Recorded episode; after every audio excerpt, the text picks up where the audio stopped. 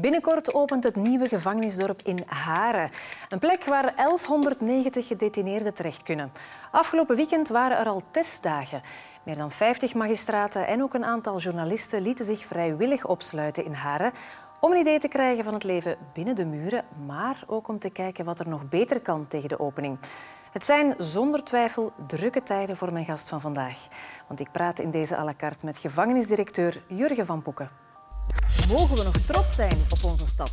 Is Brussel klaar voor de toekomst? Waar blijft die ambitie? Wat zeggen de cijfers? Hoe dan? Bent u dan verantwoordelijk? Is dat niet zo moeilijk? Wat gaat u aan doen? Bruist Brussel nog? Of koopt het potje stilaan over? Jurgen van Poeken, welkom in à la carte. Goedenavond. Ja, het zijn heel drukke dagen voor u, denk ik. Uh, als uh, directeur van de Brusselse gevangenissen. Hoeveel uren heeft u geslapen de voorbije dagen? Wat uh, immersie is gedaan sinds gisteren. Vannacht heb ik acht uur geslapen. En dat was ongeveer evenveel als al die nachten ervoor. Al die nachten ervoor, dus ja, ja dus bon, het we is zitten niet aan 20 zo uur. schitterend geweest op dat vlak. Ja, oké. Okay. Ja, de testdagen in de gevangenis van Haren, want daar hebben we het over. Uh, er zijn magistraten en journalisten komen slapen. Wat is de meest gehoorde reactie?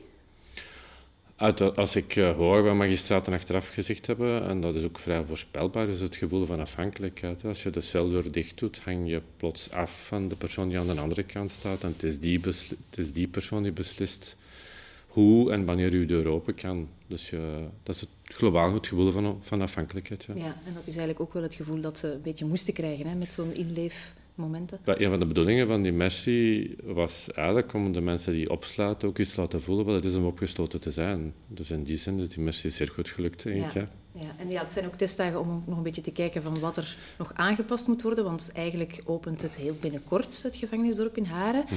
Uh, onze journalist Charlotte, die was er ook bij. Zij is ook uh, een nachtje in de cel uh, gaan verblijven. En zij zei, ja, er waren nog een aantal technische mankementen. Bijvoorbeeld, door miscommunicatie ging er een bepaalde deur niet open, terwijl die wel had moeten opengaan. Of de televisie bijvoorbeeld werkte ook nog niet. Gaat dat allemaal in orde zijn tegen de opening? Ja, normaal gezien wel. Het, probleem van de televisie is het uh, signaal dat nog niet in het desbetreffende gebouw binnenkomt. Maar dus de, de, kabel ligt er. Uh, uh, er staat een parabool op dak. Um, de, we hebben het denk ik, het andere waar het over u het hebt, is we hebben het zaterdagochtend echt wel moeilijk gehad. Omdat we toen 55 inkomenden had, hadden, zoals wij dat zeggen. En die kregen we op die moment altijd niet verweekt. En ik denk dat geen enkel gevangenis dat zou aankunnen. Ik had ze nog getrapt ingeboekt, een aantal mensen om 8 uur, om 9 uur, om 10 uur. Maar het was te veel, waardoor dat we bijvoorbeeld zaterdag om 1 uur een aantal... Uh, wij dachten ons normale regime op te starten vanaf zaterdag 12 uur. Uh, en in realiteit is het een beetje later geworden. Dus er is inderdaad, zijn er een paar activiteiten om 1 uur middags afgelast. Uh, en hebben dan naar haar toe bijvoorbeeld niet correct genoeg gecommuniceerd, waardoor dat, ze had waarschijnlijk heel vlijtig het dagprogramma zitten lezen. Ik vermoed het, ja. Ja, en waardoor ze dacht van, nu moet ik buiten kunnen. En dat was niet op die ja. moment. Ja. ja. en dan als die verwachting er is en dat wordt dan niet ingelost, is dat wel uh, schrikken natuurlijk. Ja, Haren is een gevangenisdorp, wordt er gezegd. Wat is eigenlijk nu het grootste verschil met Sint-Gilles en Vorst? Goh, de drie grote verschillen zijn volgens mij de, uh, de absoluut veel betere materiële omstandigheden. Of het nu is om te wijken of om er opgesloten te worden. Dat was ook niet zo moeilijk, hè?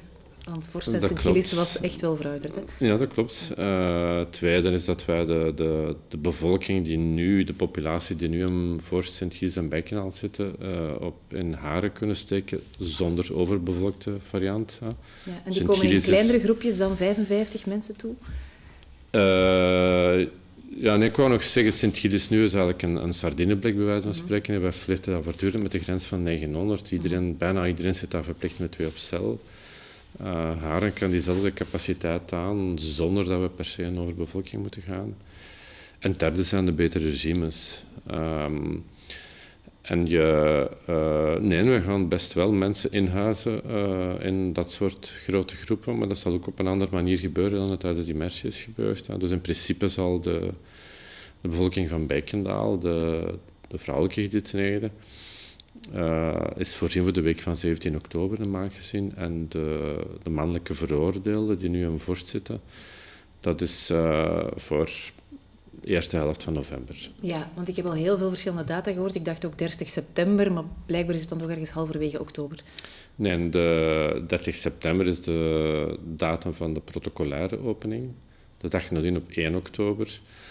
Uh, op 1 oktober gebeuren er eigenlijk twee dingen. Dan nemen we van de private firma die uh, haar gezet heeft, nemen wij definitief de volledige perimeter over. Dus vanaf 1 oktober wordt het eigenlijk qua portier, portierschas, nacht, uh, controlecentra volledig van ons op dit moment.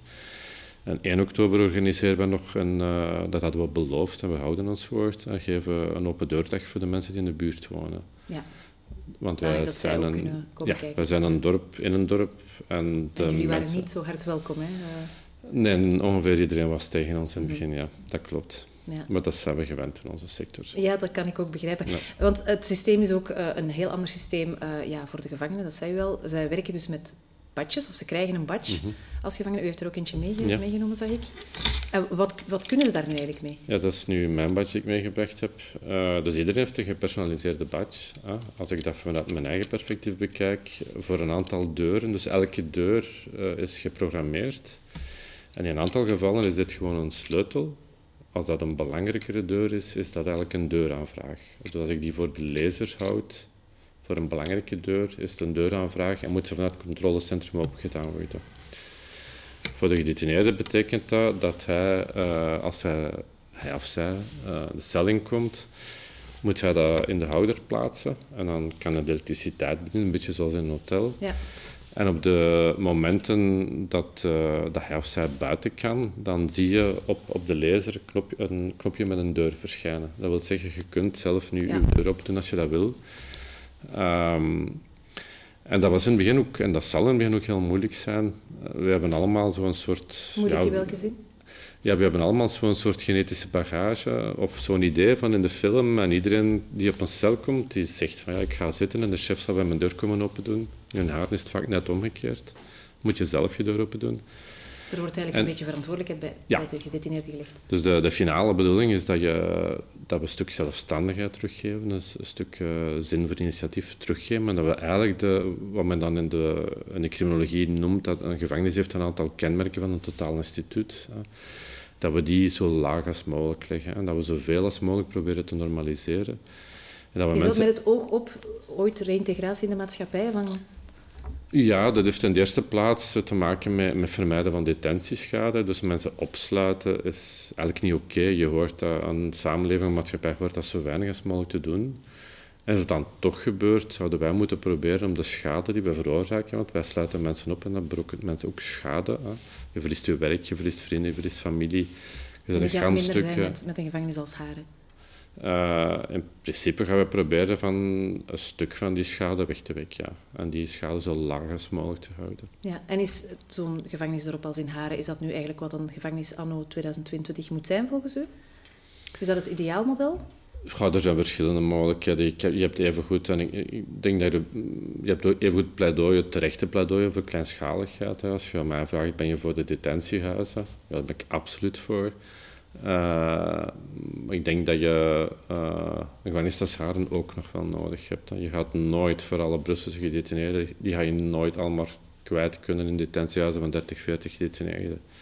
Dan zou je eigenlijk bijna in elke wijk van Brussel uh, zo'n detentiehuis ja, moeten Want nu zijn het eigenlijk ja, kleine detentiehuisjes bij elkaar in een dorp. Of ja, gek genoeg. De, de, men heeft Haren altijd verkocht als een megagevangenis. Dat was een van de grote kritieken die we altijd gekregen hebben. Dat is ten dele terecht, uiteraard. Dat is een, dat is een heel grote gevangenis. Maar die, die, die, die volgepompt is met kleinschaligheid eigenlijk. Het bestaat uit, een, uit tientallen leefeenheden van ergens tussen de 11 en 35 gedetineerden. Dus soms hele kleintjes. 35 is echt wel het maximum. En zelfs personeelsgewijs pompen wij daar heel veel kleinschaligheid in. Dus ja, want dat wou ik ook vragen. Van, is het personeel ook mee met die nieuwe vorm van ja, gevangeniswezen uiteindelijk? Ja, dat zal ook tijd vragen. Hè. Dus de, de, de klassieke structuur van bewaking, bewakingspersoneel, hebben, en, en, uh, hebben opgedeeld nu in twee soorten functies. Je hebt de, de functie van veiligheidsassistent enerzijds en dan de functie van detentiebegeleider anderzijds. En de detentiebegeleider is de persoon die eigenlijk het meest in contact komt met de ja. gedetineerden. Dus die zou uh, de twee functies hebben vergelijkbare competenties, hè, maar de, de, de, extra competenties die wij verwachten van een, of de bijkomende competenties die wij verwachten van een intentiebegeleider hebben met, met groepsdynamiek en individuele begeleiding te maken. Dus elke gedetineerde zou in principe ook uh, een referentiebegeleider moeten krijgen. Ja. En dat is wel heel Meer persoonlijke begeleiding dan. Ja. ja. ja. En vindt u het personeel, want dat is toch nu... Ja, de gevangenis van Sint-Gilles blijft ook langer open, is er beslist. Ja, u moest op zoek naar nog meer volk. Ja, ik heb uh, op dit moment om, ik heb net voldoende volk om, uh, maar het is al heel scheep ja, om Vorst en Berkendaal te kunnen verhuizen. Ik heb uh, minimum nog 300 mensen nodig, waarschijnlijk nog een stukje meer om Sint-Gilles te kunnen verhuizen. Dus wij recruteren permanent, dat staat op Sailor. Aan, dus wij recruteren contractueel tot eind deze maand. Vanaf volgende maand beginnen er een ganse pak statutaire wijvingen. Niet alleen voor bewaking, maar ook voor zorgpersoneel, voor psychiatrisch verpleegkundigen, sociale assistenten. Begint start dus die ganse golf van heel uiteenlopende functies, van eigenlijk alle soorten functies die een gevangenis nodig heeft, uh, die start vanaf oktober. Ja, en waarom zou ik mij bijvoorbeeld als, ja, ik noem het nu nog cipier, aanmelden? Als je zin hebt om, uh, ja, ik doe mijn uiterste best om het concept haren uit te leggen, omdat ik dan ook denk dat het voor ons belangrijk is om, om de mensen te krijgen die, die, die zich thuis voelen in dat concept en die denken van in die gevangenis zou ik wel willen weken. Mhm. En het is duidelijk dat het profiel van detentiebeleider en de leefeenheid al een stukje meer richting opvoeder gaat, om het zo maar te zeggen. Dus het zou wel kunnen dat wij op een zinvolle manier uit een andere vijver kunnen beginnen vissen.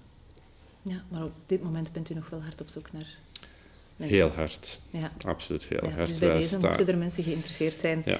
dan, uh, dan hebben ze daar zeker wel een kans. Ik heb mij op het Maanrockfestival in Mechelen nooit geloofd dat ik dat zou doen, een tattoo laten zetten, wat de mens al niet doet. Om, uh... Oh, en wat, wat, wat zei die tattoo? Nee, dat was, we hadden daar een, eh, een stand van de Fort Justitie en een tattoo van justitie.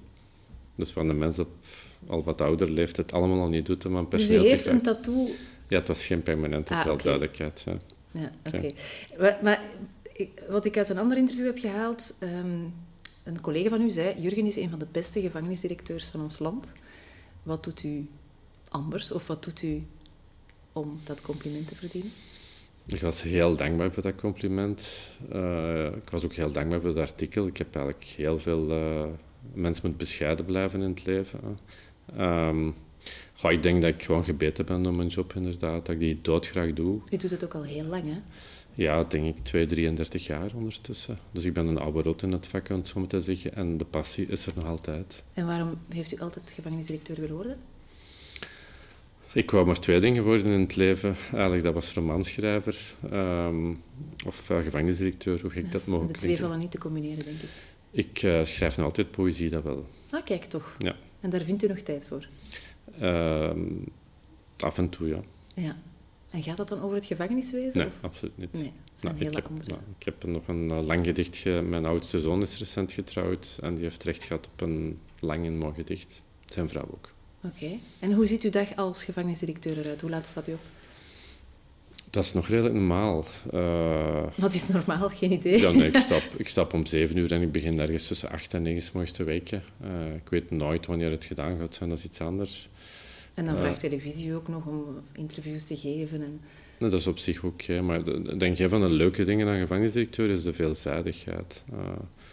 Wij krijgen bijvoorbeeld elk jaar wel een aantal criminologiestudenten op stage. En als je die na een week vraagt van wat vind je er nu van dan zeggen die nooit verwacht dat het zo complex ging zijn. Want je bent eigenlijk maar een deel van de tijd over gedetineerden bezig. Uh, voor de rest kan het over werving personeel gaan, over boekhouding, over installaties die moeten gewijzigd ja, worden. Mensen denken heel vaak van gevangenis, dat is mensen opsluiten, hè, die af en toe een beetje eten geven en doen wandelen. En dat is het dan, maar er komt natuurlijk veel meer bij kijken.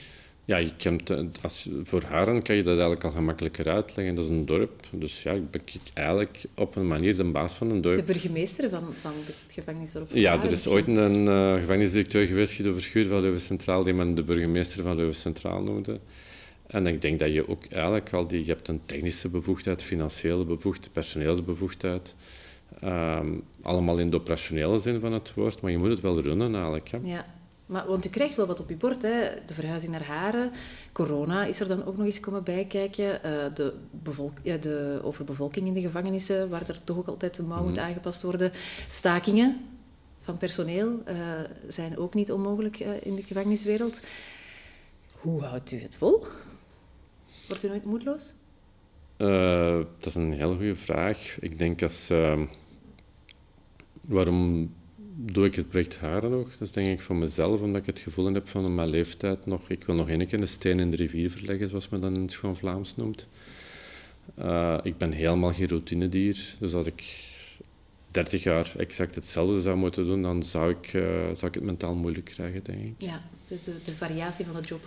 Ja, en anderzijds, uh, dan, een gevangenis is een berg menselijke miserie. Dus ik heb waarschijnlijk hè, al, al, al veel meer miserie gezien dan de meeste mensen op mijn leeftijd.